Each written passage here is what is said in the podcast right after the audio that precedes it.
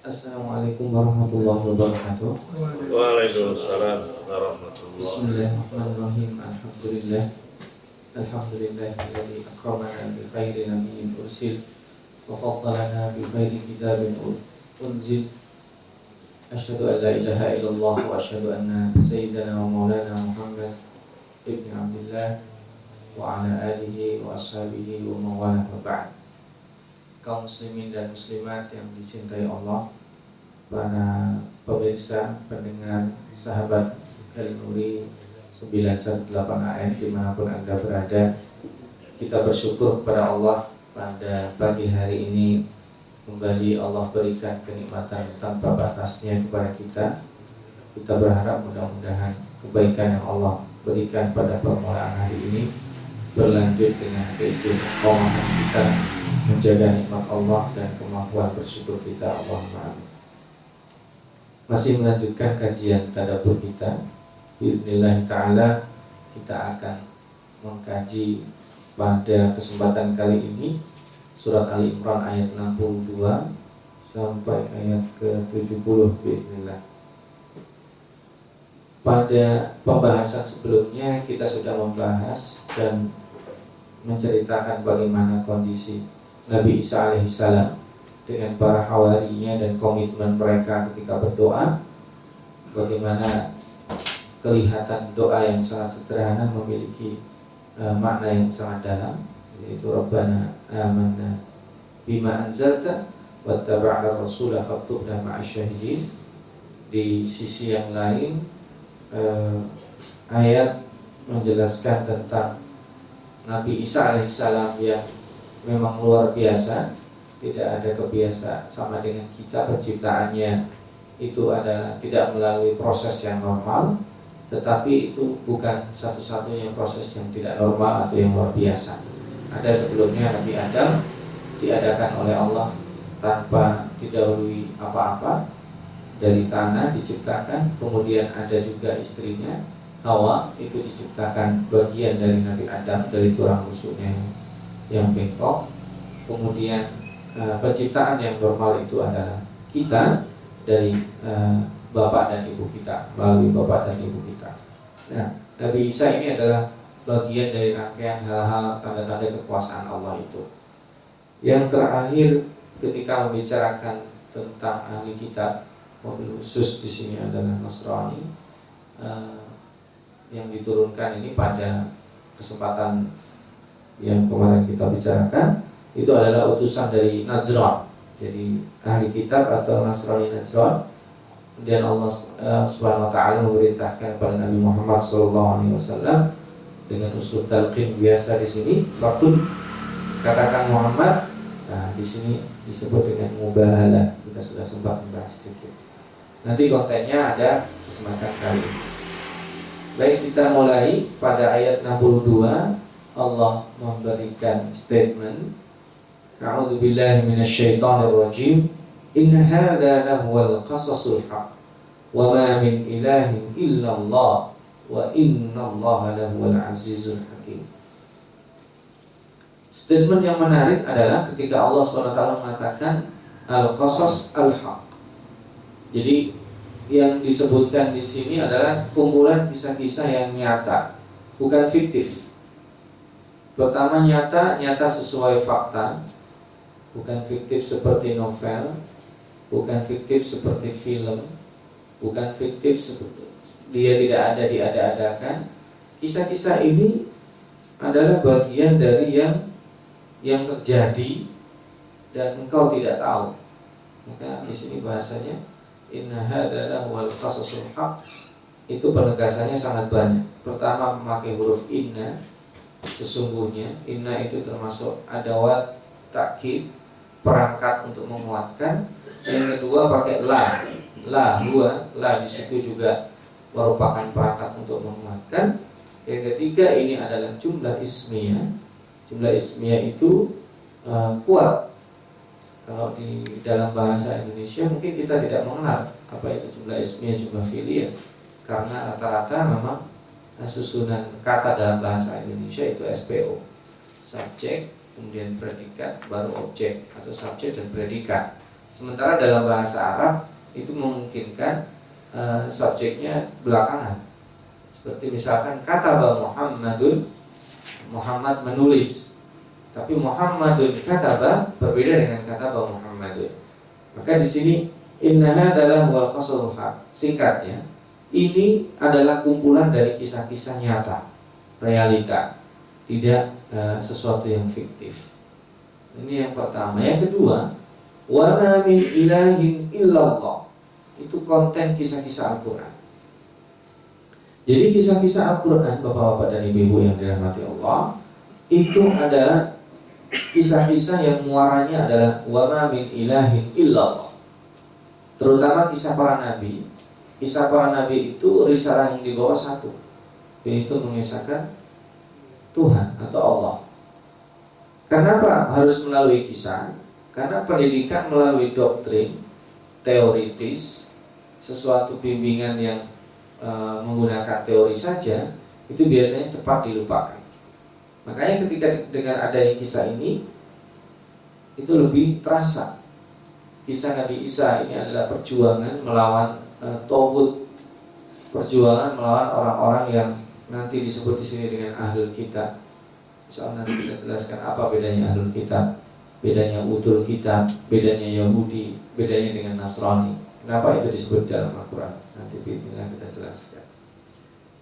Nah, lalu Allah mengatakan di penghujung ayat ini wa innallaha lahuwal azizul hakim. Ini juga sama dengan yang pertama. Inna hadza al-qasasul haq. Di sini juga wa inna Allah, inna Allah di situ takkid, la la mutakkid, al-azizul hakim. Ini juga sesuatu yang menarik lagi. Allah mengumpulkan dua sifat yang sering juga disebut dalam Al-Quran. Al-Aziz adalah yang maha perkasa, yang bisa menegakkan keadilan. Konteksnya ya. Al-Hakim adalah zat yang maha bijaksana. Dua ini harus berkumpul karena kalau Allah hanya sekedar aziz, maha perkasa yang juga menegakkan keadilan, itu kita tidak akan ada yang masuk surga. Karena walau bagaimanapun manusia itu bukan fitrahnya memang tidak menyimpang itu bukan fitrahnya, tetapi kita dikelilingi dengan rekayasa-rekayasa yang yang kurang baik. Mau sholat berat dalam seminggu sholat yang betul-betul kita rasakan nikmat dalam kondisi kita hatinya nyaman itu tidak mungkin 100% full ya maka kalau disebut al-aziz saja maka manusia akan memungkinkan untuk dianggap oleh Allah Subhanahu wa taala karena kekurangan dalam bersyukur. Al-hakim itu maknanya bijaksana, sebagian itu tidak dianggap oleh Allah. Makanya lihat dalam surat Ar-Rum Zaharal fasadu fil barri wal bahri bima kasabat aydin nas liyudhiqahum ba'dalladhi amilu la'allahum. Supaya Allah nantinya menyiksa, membalas, mengadab itu ba'dalladhi amilu sedikit saja dari yang kita lakukan itu dibalas oleh Allah di dunia khususnya. Supaya la'allahum yarji'un supaya kita kembali kepada Allah. Jadi kemaksiatan yang kita lakukan itu tidak semuanya dihitung oleh Allah. Sebagian dimaafkan. Lalu apa bedanya dalam surat Az-Zalzalah itu? Ya'mal mithqala dzarratin khairan yara wa may ya'mal mithqala dzarratin syarran yara. Itu untuk ancaman supaya kita tahu bahwa sedetil apa pun juga yang kita lakukan Allah tetap mengetahuinya. Tapi bukan berarti yang mengetahuinya ya roh di situ ya roh itu melihat, bukan berarti nanti akan dihitung oleh Allah. Maka Jangan pernah kita beranggapan ah perbuatan saya kecil kayak gini mah insya Allah nggak nggak dianggap sama Oh belum tentu. Allah itu al aziz sanggup melakukan apa saja. Qadir perkasa kuasa. Tapi Allah juga al hakim gitu. nah Fa'in tawallau jika kalian yang tadi sudah di mubahala tidak mau mengikuti apa yang di sini disebutkan Allah fa innallaha alimun bil mufsidin. Di sini ada sesuatu yang tersembunyi ya. Alimun maha tahu bikum terhadap apa yang kalian lakukan, bihim terhadap apa yang mereka lakukan. Ini berlaku untuk dua-duanya. Tapi di sini yang menarik adalah bil mufsidin. kaitan yang disebut Allah adalah dengan orang-orang yang merusak. Sini ya ini sebagai eh, entry penyelak dari ayat mubahalah. Nah, konten mubahalahnya di antara konten mubahalah dan dan komitmen untuk berjanji adalah Qul ya ahlal kitab ta'alu ila kalimatin sawa bainana wa bainakum alla na'budu illa Allah wa la nusyrika bihi syai'an wa la yattakhidha ba'duna ba'dan arbaba min dunillah fa in tawallaw faqulu bi anna muslimun. Nah, ini tadi yang menarik di sini memakai ahlul kitab. Jadi kalau di dalam Al-Qur'an redaksi yang digunakan untuk menyebut yang berkaitan dengan kitab itu dua. Satu ahlul kitab, satu utul kitab. Kalau ilmi tidak ada ahlul ilmi di dalam Al-Qur'an, adanya utul ilma. Di sini ahlul kitab dan utul kitab. Kalau penyebutannya ketika nabinya masih hidup itu disebut dengan ya kaum. Jadi Nabi Isa, Nabi Musa alaihissalam itu tidak pernah memanggil kaumnya ya ahli kitab tidak pernah tidak pernah menyebut kaumnya dengan Yahudi tidak pernah apalagi Nasrani jadi kalau dis, disebut sama Nabi Musa alaihissalam atau juga disebut oleh Nabi Isa alaihissalam itu tidak pernah menggunakan ya ahli kitab ya utul kitab atau Yahudi atau Nasrani tapi yang dipakai adalah ya kaum karena itu adalah kaumnya.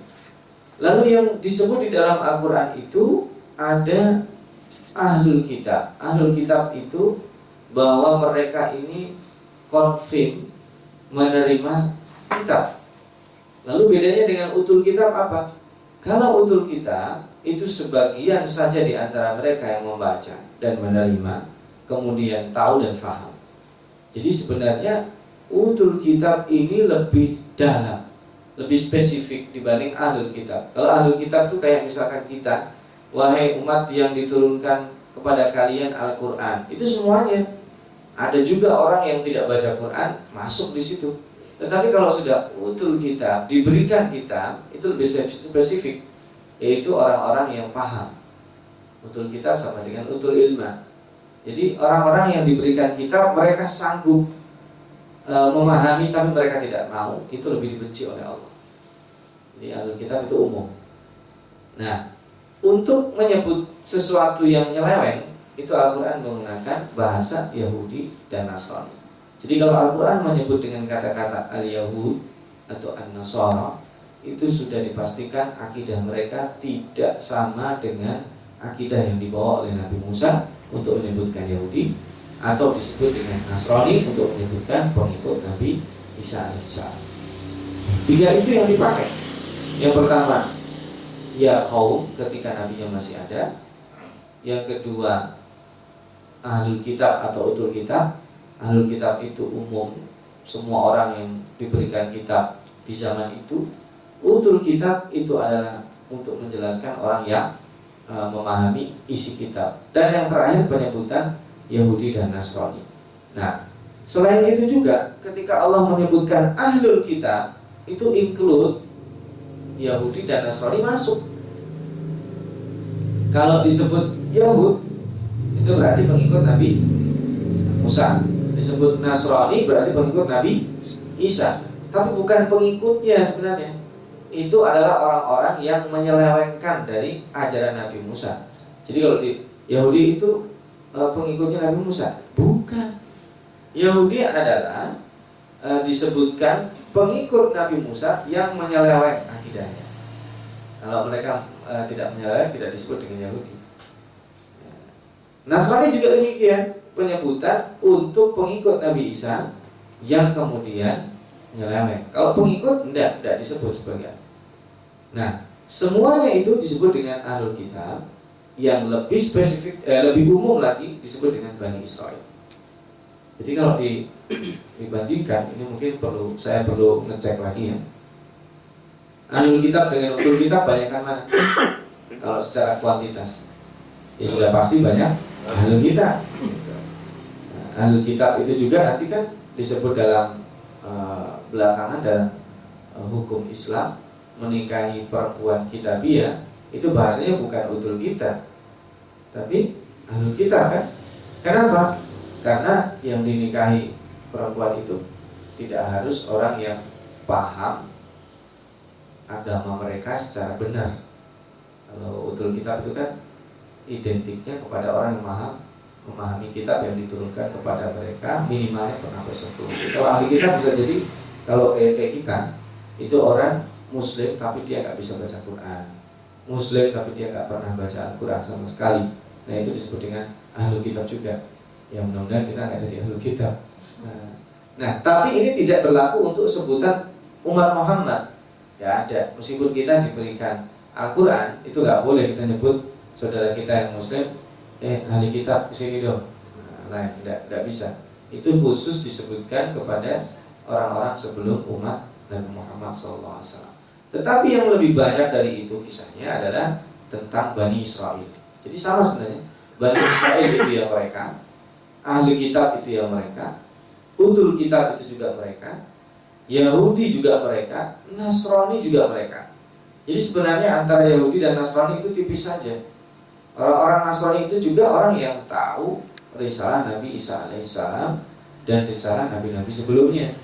Termasuk di antaranya risalah Nabi Nabi Musa. Karena nanti sebelum antara Nabi Musa dan Nabi Harun dan Nabi Isa itu ada beberapa nabi yang disebutkan banyak sekali tetapi mungkin yang kita tahu hanya Nabi Zakaria dan Nabi Yahya. Itu singkatnya. Dan ini cerita-cerita ini yang tadi dikatakan al-qasasul itu adalah kebenaran yang Eh, tidak bisa terbantahkan karena faktanya memang demikian.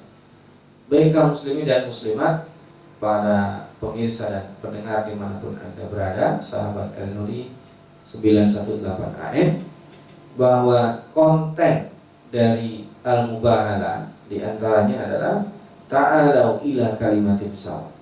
Ayo kita sama persepsi yang punya persepsi yang sama kita samakan bainana wa bainakum antara kita dan antara kalian. Alla na'budu illallah wa la nusyrika bihi syai'a. Jadi kita punya komitmen ayo kita sembah Allah Tuhan yang esa. Yang kedua wala nusyrika bihi syai'an kita tidak boleh menyekutukan dengan apa pun juga. Ini naudzubillah ya. Kalau benar saya tidak tahu apa yang terjadi. Eh, selama ini kita berdoa menurut keyakinan masing-masing tidak ada masalah nanti tiba-tiba hal-hal yang seperti ini diatur dengan alasan kita hidup di negara yang plural. Negara plural iya. Tetapi mayoritas bahwa kita beragama Islam itu perlu diperhatikan. Kadang kita terlalu toleran tetapi toleransi itu sendiri kemudian ditarik pada hal-hal yang tidak patut. Kita terlalu takut dan inferior padahal dengan adanya kita menjalankan agama kita secara penuh itu bukan berarti kita tidak toleransi Nah ini ya. Nah, yang menarik adalah digabungkan dua-duanya. Allah na'budah kami atau kita tidak menyembah kecuali Allah. Yang kedua, tidak menyekutukan dengan sesuatu yang lain. Dan yang ketiga, yang tadi yang kedua, yang ketiga adalah wala yattakhidha ba'duna ba'dan. Tidak mengambil atau tidak menjadikan sesama kita arbaba min dunillah ini yang menarik ya. Apa maksudnya arbab di sini? Apa maksudnya Tuhan di sini? Arbab di sini artinya adalah menuruti apa yang dikatakan meskipun maksiat. Karena di sini mintunilah.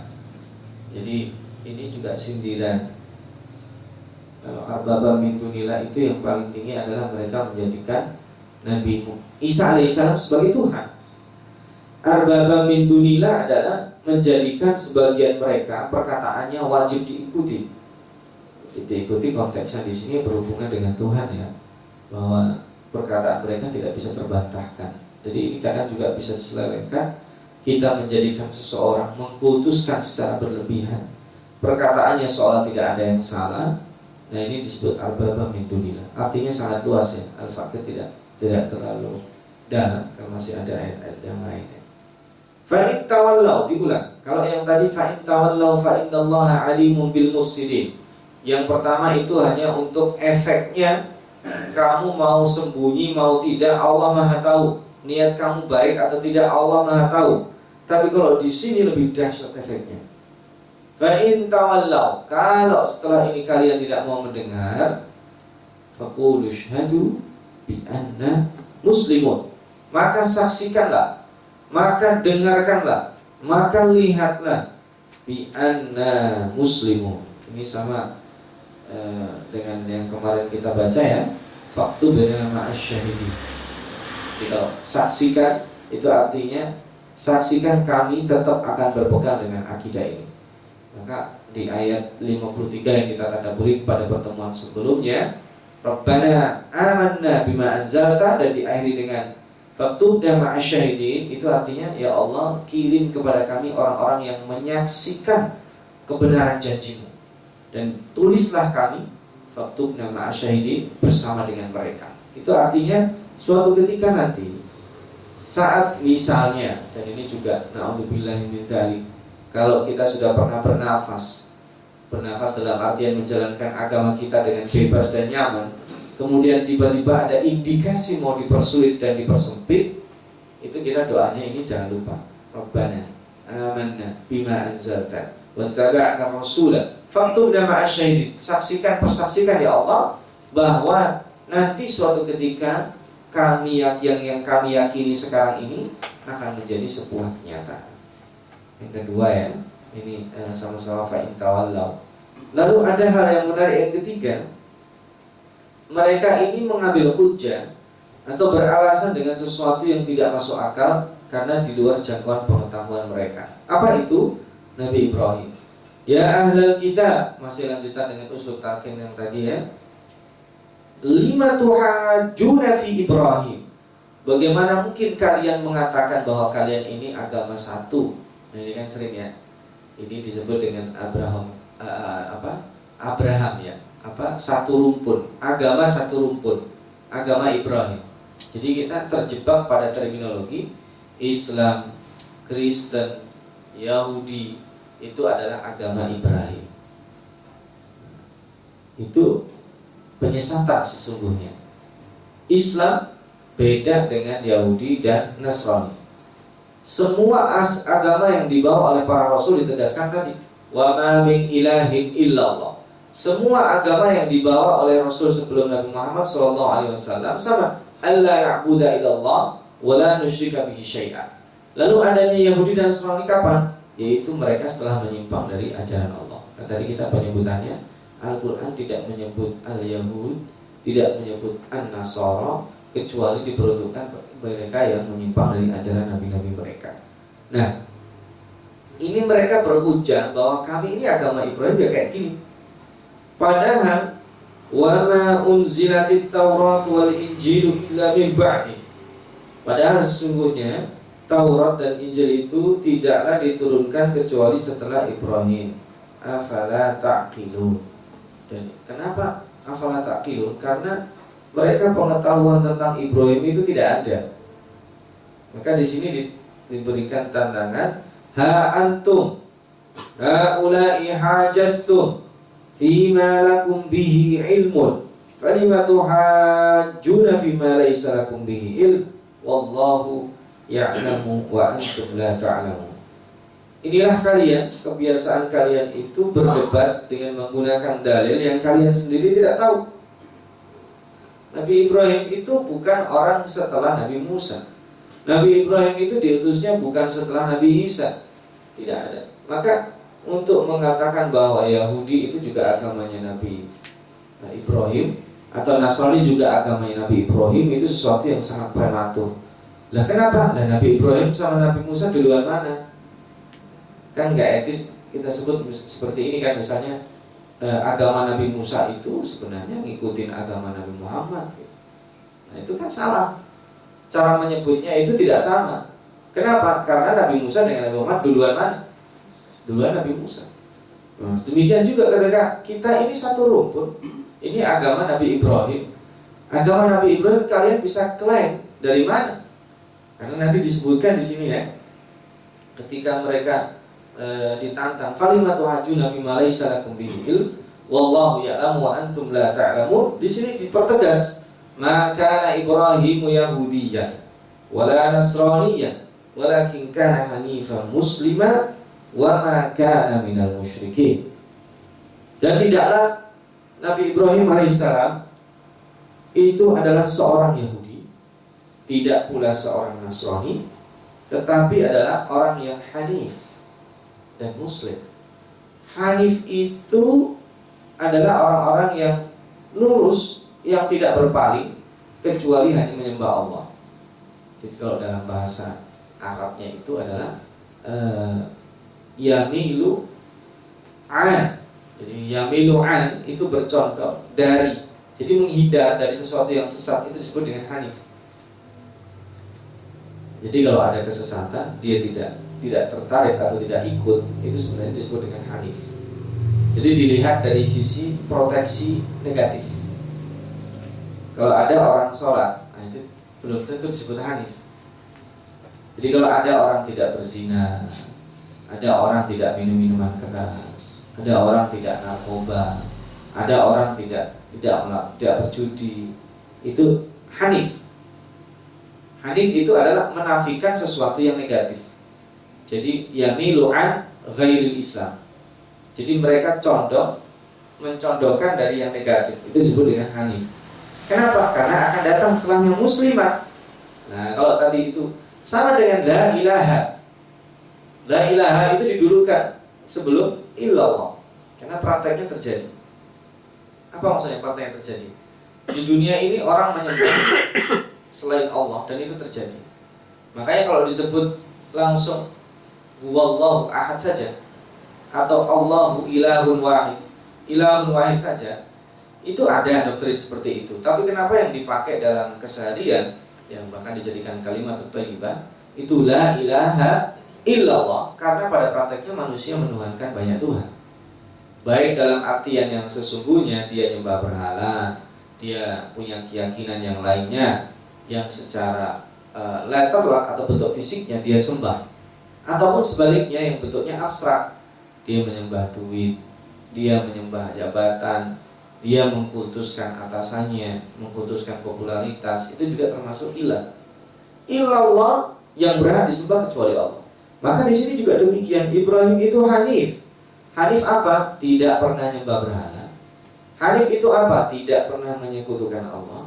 Hanif itu apa? Tidak pernah melakukan hal-hal yang menjauhkan dia dari orbit ketaatan. Baru ditakkitkan di situ. Tapi dia juga muslimah. Muslimah itu apa? Yang mengesahkan Allah. Kan gini. Orang tidak menyembah berhala, tidak menyekutukan Allah, apakah dia menyembah Allah? Belum tentu. Makanya hanifan muslimah di situ gabungan yang sangat luar biasa. Wa ma kana minal musyrikin ditegaskan lagi Nabi Ibrahim alaihissalam tidaklah termasuk orang-orang yang yang musyrik. Bapak dan Ibu kalian yang dirahmati Allah, Inna awla nasi bi Ibrahim lalladzina tabauhu wa hadha nabi walladzina amanu wallahu waliyyul mu'minin. Sesungguhnya orang-orang yang paling berhak dengan Ibrahim. Nah, ini yang menarik nih. Aula nasi Ibrahim itu aula apanya? Berhak apanya? Di situ para mufassirin uh, menjelaskan aula nasi bi ulfa. Ulfa itu adalah cinta dan kasih sayang. Jadi kayak begini. Di zaman Rasulullah SAW Rasul itu menjumpai orang Yahudi puasa pada tanggal 10 Muharram. Ditanya mereka, kenapa kalian puasa? Kami puasa karena hari ini adalah hari di mana ketika itu Fir'aun ditenggelamkan Allah dan Nabi Musa alaihissalam beserta pasukannya ditolong. Maka itu disebut dengan hari raya. Lalu apa kata baginda Rasulullah SAW? Nahnu awlan nasi min, uh, bi Musa minkum jadi sebenarnya kami ini lebih berhak untuk berpuasa. Kenapa? Karena Nabi Muhammad itu adalah penerus syariatnya Nabi Musa alaihissalam. Itu maksudnya di antara maknanya. Maka di sini awal nasi bi Ibrahim itu harusnya yang lebih berhak untuk mencintai Ibrahim itu kami. Ya kayak misalkan tiba-tiba ada orang dekat kita sakit nah untuk bilang misalnya. Tapi kita tahunya nomor 10 kita kan pasti merasa nyesek ya harusnya saya itu orang yang paling tahu duluan. Jadi aulan nasi bil ma'rifah. Dari yang lain-lain harusnya saya paling tahu. Kok ini tahunya yang ke-10 berarti ada sesuatu yang error. Maka di sini inna aulan nasi bi Ibrahim siapa? Lalladzina taba'uhu yang mengatakan bahwa Nabi Ibrahim itu satu rumpun agamanya dengan dia itu harusnya orang-orang yang betul-betul mengikutinya mengikuti agama tauhid bukan kalian kalian klaimnya prematur tidak ada salah. Dan yang luar biasa di sini Allah mengatakan wahadan nabi. Wahadan nabi ini kan karena ayat ini diturunkannya kepada Nabi Muhammad SAW jadi sebenarnya ingin mengklaim bahwa agama Ibrahim itu adalah juga agama Nabi Muhammad SAW. Nah, hadirin sekalian yang dimuliakan Allah, para uh, pendengar dan pemirsa di mana pun anda berada, sahabat El Nuri 918 AM, ini satu hal yang menarik bahwa Allah ingin me menghidupkan sisi emosional di sini. Bahwa setelah tadi dalam tanda kutip kita terjadi pertikaian akidah dengan mereka, di sini Allah ingin tegaskan bahwa konteksnya di sini adalah kita ke, ke dalam. Kalau tadi itu kita keluar mendebat orang, sekarang kita ke dalam. Sesungguhnya orang yang paling berhak mengikuti Ibrahim kita.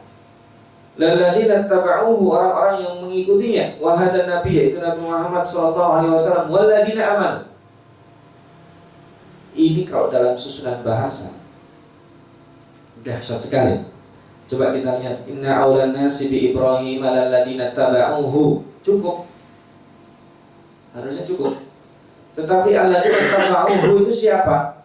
Dirinci Wahadan Nabi Yaitu Nabi Muhammad Walladina aman Nah makanya juga dalam salah satu hadis Rasulullah SAW pernah bersabda Nanti suatu ketika ada sekelompok orang Kaum mereka tidak pernah melihatku, tidak pernah berjumpa denganku, tapi mencintaiku sama dengan kalian mencintaiku. Ini ketika beliau cerita kepada para sahabat, kaget mereka. Siapa mereka? Itu yang disebut dengan ahbabu Rasulillah SAW. Kalau ashabu Rasulillah, sahabat adalah definisinya orang yang hidup berjumpa dengan Rasul SAW dalam keadaan Islam dan mati dalam keadaan Islam. Itu disebut dengan sahabat. Ya makanya kita saya sahabat Nabi ya pasti diketawakan. Nah tetapi untuk orang-orang yang beriman kepada Rasul dan dia yakin sementara tidak pernah bertemu Rasul itu disebut apa ahbabu Rasulillah dan dalam hadis itu dijelaskan bahwa ahbab Rasulillah punya keutamaan yang luar biasa kenapa kalau di zaman Nabi mereka bertemu dan beriman, itu sesuatu yang sebenarnya kalau disebut apa? Biasa. Karena ketemu langsung orangnya.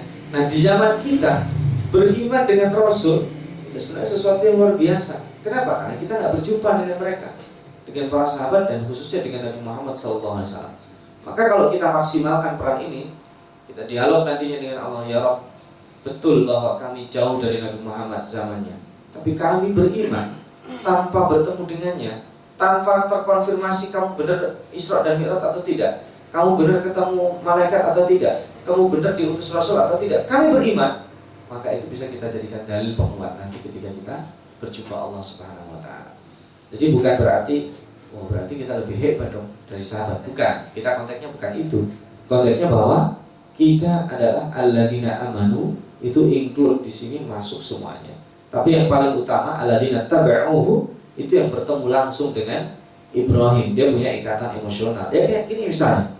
Ada salah satu kawan kita menjadi pejabat atau tokoh publik. Ya. Kita adalah teman sekelasnya. Itu nanti berlomba-lomba menjadi kebanggaan kan? Ya sih itu. Gitu aja bangga baru ketemu sekali. Saya dulu itu sekamar sama dia. Nah, kan gitu kan? Itu maksudnya aula. Aula nasi di Ibrahim itu kira-kira seperti itu. Kadang-kadang kita ketemu tokoh yang luar biasa, foto bareng, nasi bareng itu kan sudah bangganya luar biasa kan? Sebenarnya di sana ada orang yang lebih bangga dari itu. Siapa? Ya teman sekelasnya. Ada yang lebih bangga lagi, adiknya, iya kan? Nah, itu yang dimaksud harusnya orang yang lebih bangga dengan Ibrahim itu bukan kalian. Ini kan bahasanya nyindir ke orang-orang Yahudi dan Nasrani gitu kan. Kalian baru ketemu sekali aja Nabi Ibrahim sudah merasa luar biasa kayak gitu. Nah, sebenarnya yang Allah nasib Ibrahim itu orang-orang seperti kami. Ya, perumpamaannya kira-kira seperti itu. Wallahu Nah, wallahu waliyul mu'minin. Nah, di sini tadi aula ada hubungannya dengan wali. Allah waliyul mu'minin. Sini Allah penolong orang-orang yang beriman, Allah penyokong orang-orang beriman, Allah penopang orang-orang beriman. Jadi al-wali itu sesungguhnya adalah bukan hanya sekedar dekat untuk mencintai, tapi dekat untuk melindungi.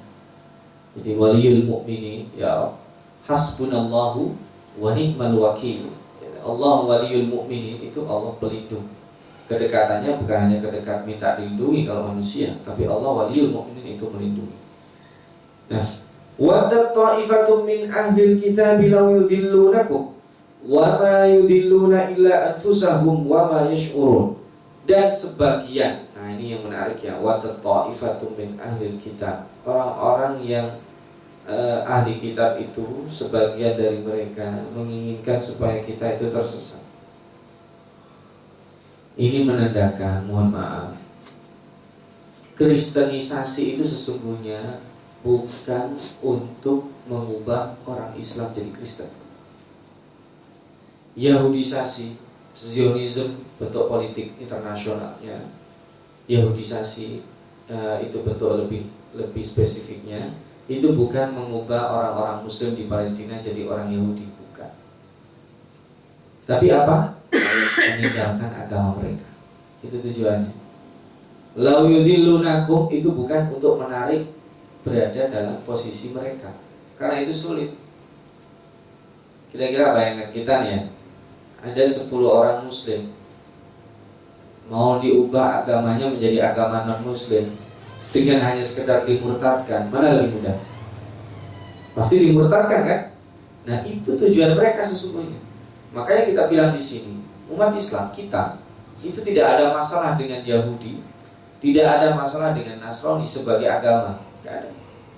Karena kalau sebagai agama kita menghormati disebut dengan toleransi. Yang jadi masalah kita adalah kalau udah ada kristenisasi dan yahudisasi. Kristenisasi itu bukan mengubah agamanya jadi mereka, tapi memurtadkan. Lau yudilunakum itu maknanya adalah memurtadkan, bukan untuk mengubah dikonvert menjadi agama mereka. Karena itu uh, agak sulit ya. Jadi terjadi pemurtatan itu maksudnya meninggalkan agama Islam. Mereka berubah ke mana aja itu urusan belakangan. Nah kenapa demikian? Wama yudilluna illa anfusahum wa yashurun. Karena sesungguhnya mereka sudah tersesat. Orang yang sudah tersesat Dia akan pegang apa pun juga meskipun itu rumput. Apa maknanya? Kita lihat kalau orang itu bersalah Dirinya terancam Dia mencari perlindungan sesuatu yang tidak masuk akal. Dan itu yang disebut dengan wamanya syurun mereka tidak tahu. Mereka tidak merasa kalau mereka itu tersesat. Maka lau yudilunakum sekali lagi di sini al fakir ingin tegaskan mereka tidak bermaksud mengkonvert agama kita menjadi agama yang selain kita. Tapi cukup lau yudilunakum itu kalau kita meninggalkan agama kita.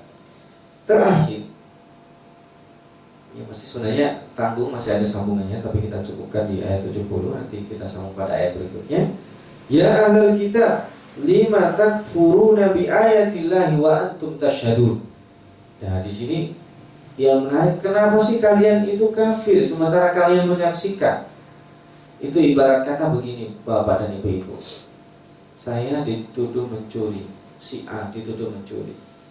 Bapak dan ibu-ibu itu tahu pencurinya itu si B bukan saya. Tapi dalam persaksian itu akhirnya tidak ada yang mau membela bahwa saya bukan pencuri. Itu kan luar biasa. Sakit banget itu ya. Menyakitkan banget. Nah, itu kira-kira seperti itu.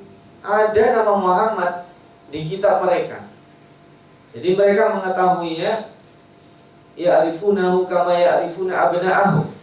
Mengetahui Nabi Muhammad itu sama dengan mereka mengetahui anaknya tetapi mereka tidak mau beriman itu ini perkataan pertanyaan sebenarnya. Lima takfuruna kenapa kalian itu kafir? Bi ayatillahi wa antum tasyhadun sedangkan kalian itu menyaksikan.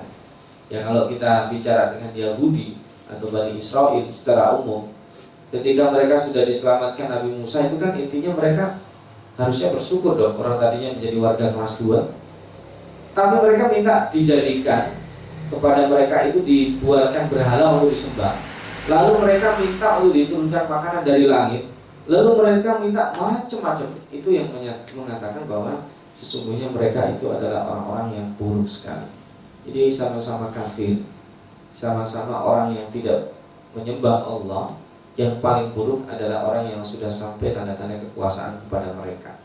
Baik berupa nabi dan kitab ataupun tanda-tanda kekuasaan yang lainnya adapun kalau ada orang-orang yang kafir tapi sejatinya mereka belum tersentuh dengan nilai-nilai dakwah nah itu sering dibicarakan di dalam agama kita dengan ahli fatrah jadi orang-orang yang tidak tersampaikan dakwahnya dan itu uh, secara teori mereka tidak disiksa oleh Allah. Nah, tapi kita dalam posisi ini termasuk ahli fatwa atau bukan? Nah, kita tidak menghukumi itu. Ini mungkin yang bisa uh, Al Fakir sampaikan nanti kita bisa lanjutkan dialog. Dan sebagai konklusi uh, terakhir bahwa pada saat kita uh, jidal atau berdebat dengan ahli kita, identitas kemusliman kita harus ditonjolkan jika kita mengatakan fakul syadu bi anna muslimun itu jangan pernah lagi kita malu. Jadi memang kita sedang terjangkiti inferior, kita itu malu sebagai muslim. Kalau perlu uh, kita tidak diketahui. Tapi pada posisi kita memang harus menyatakan itu karena orang-orang Yahudi dan Nasrani secara lantang disebut untuk mengekspresikan kesesatan mereka. Al-Quran menyebutnya demikian. Dan yang sebelum Al-Fakir tutup, Al-Fakir simpulkan bahwa Al-Quran di dalam menyebutkan mereka itu ada tiga yang pertama ya kaum itu disebut oleh Nabi mereka langsung baik Nabi Musa atau Isa ketika masih hidup bersentuhan langsung tapi ketika mereka tidak ada Al-Quran menyebutnya dengan redaksi kitab ya. Baik ahli kitab untuk lebih umum utul kitab untuk orang yang menguasai atau membaca atau paham isinya. Dan yang ketiga adalah penyebutan Yahudi dan Nasrani. Atau di luar konteks yang tiga ini kadang Allah menyebut dengan sebutan Bani Israel. Lalu konteks setelah mubahala bahwa kita adalah menjadi orang yang paling berhak mengikuti Nabi Ibrahim alaihissalam. Karena Nabi Ibrahim adalah agama tauhid yang mengisahkan Allah. Aku lu kau lihat uh, mudah-mudahan sedikit ini yang bermanfaat uh, para pemirsa, para pendengar, sahabat El Nuri 918 AM mudah-mudahan uh, bermanfaat untuk menjadi inspirasi kebaikan kita di hari ini dan hari-hari selanjutnya. Mohon maaf jika ada kekurangan. Wallahu a'lam bishawab. Wassalamualaikum warahmatullahi wabarakatuh.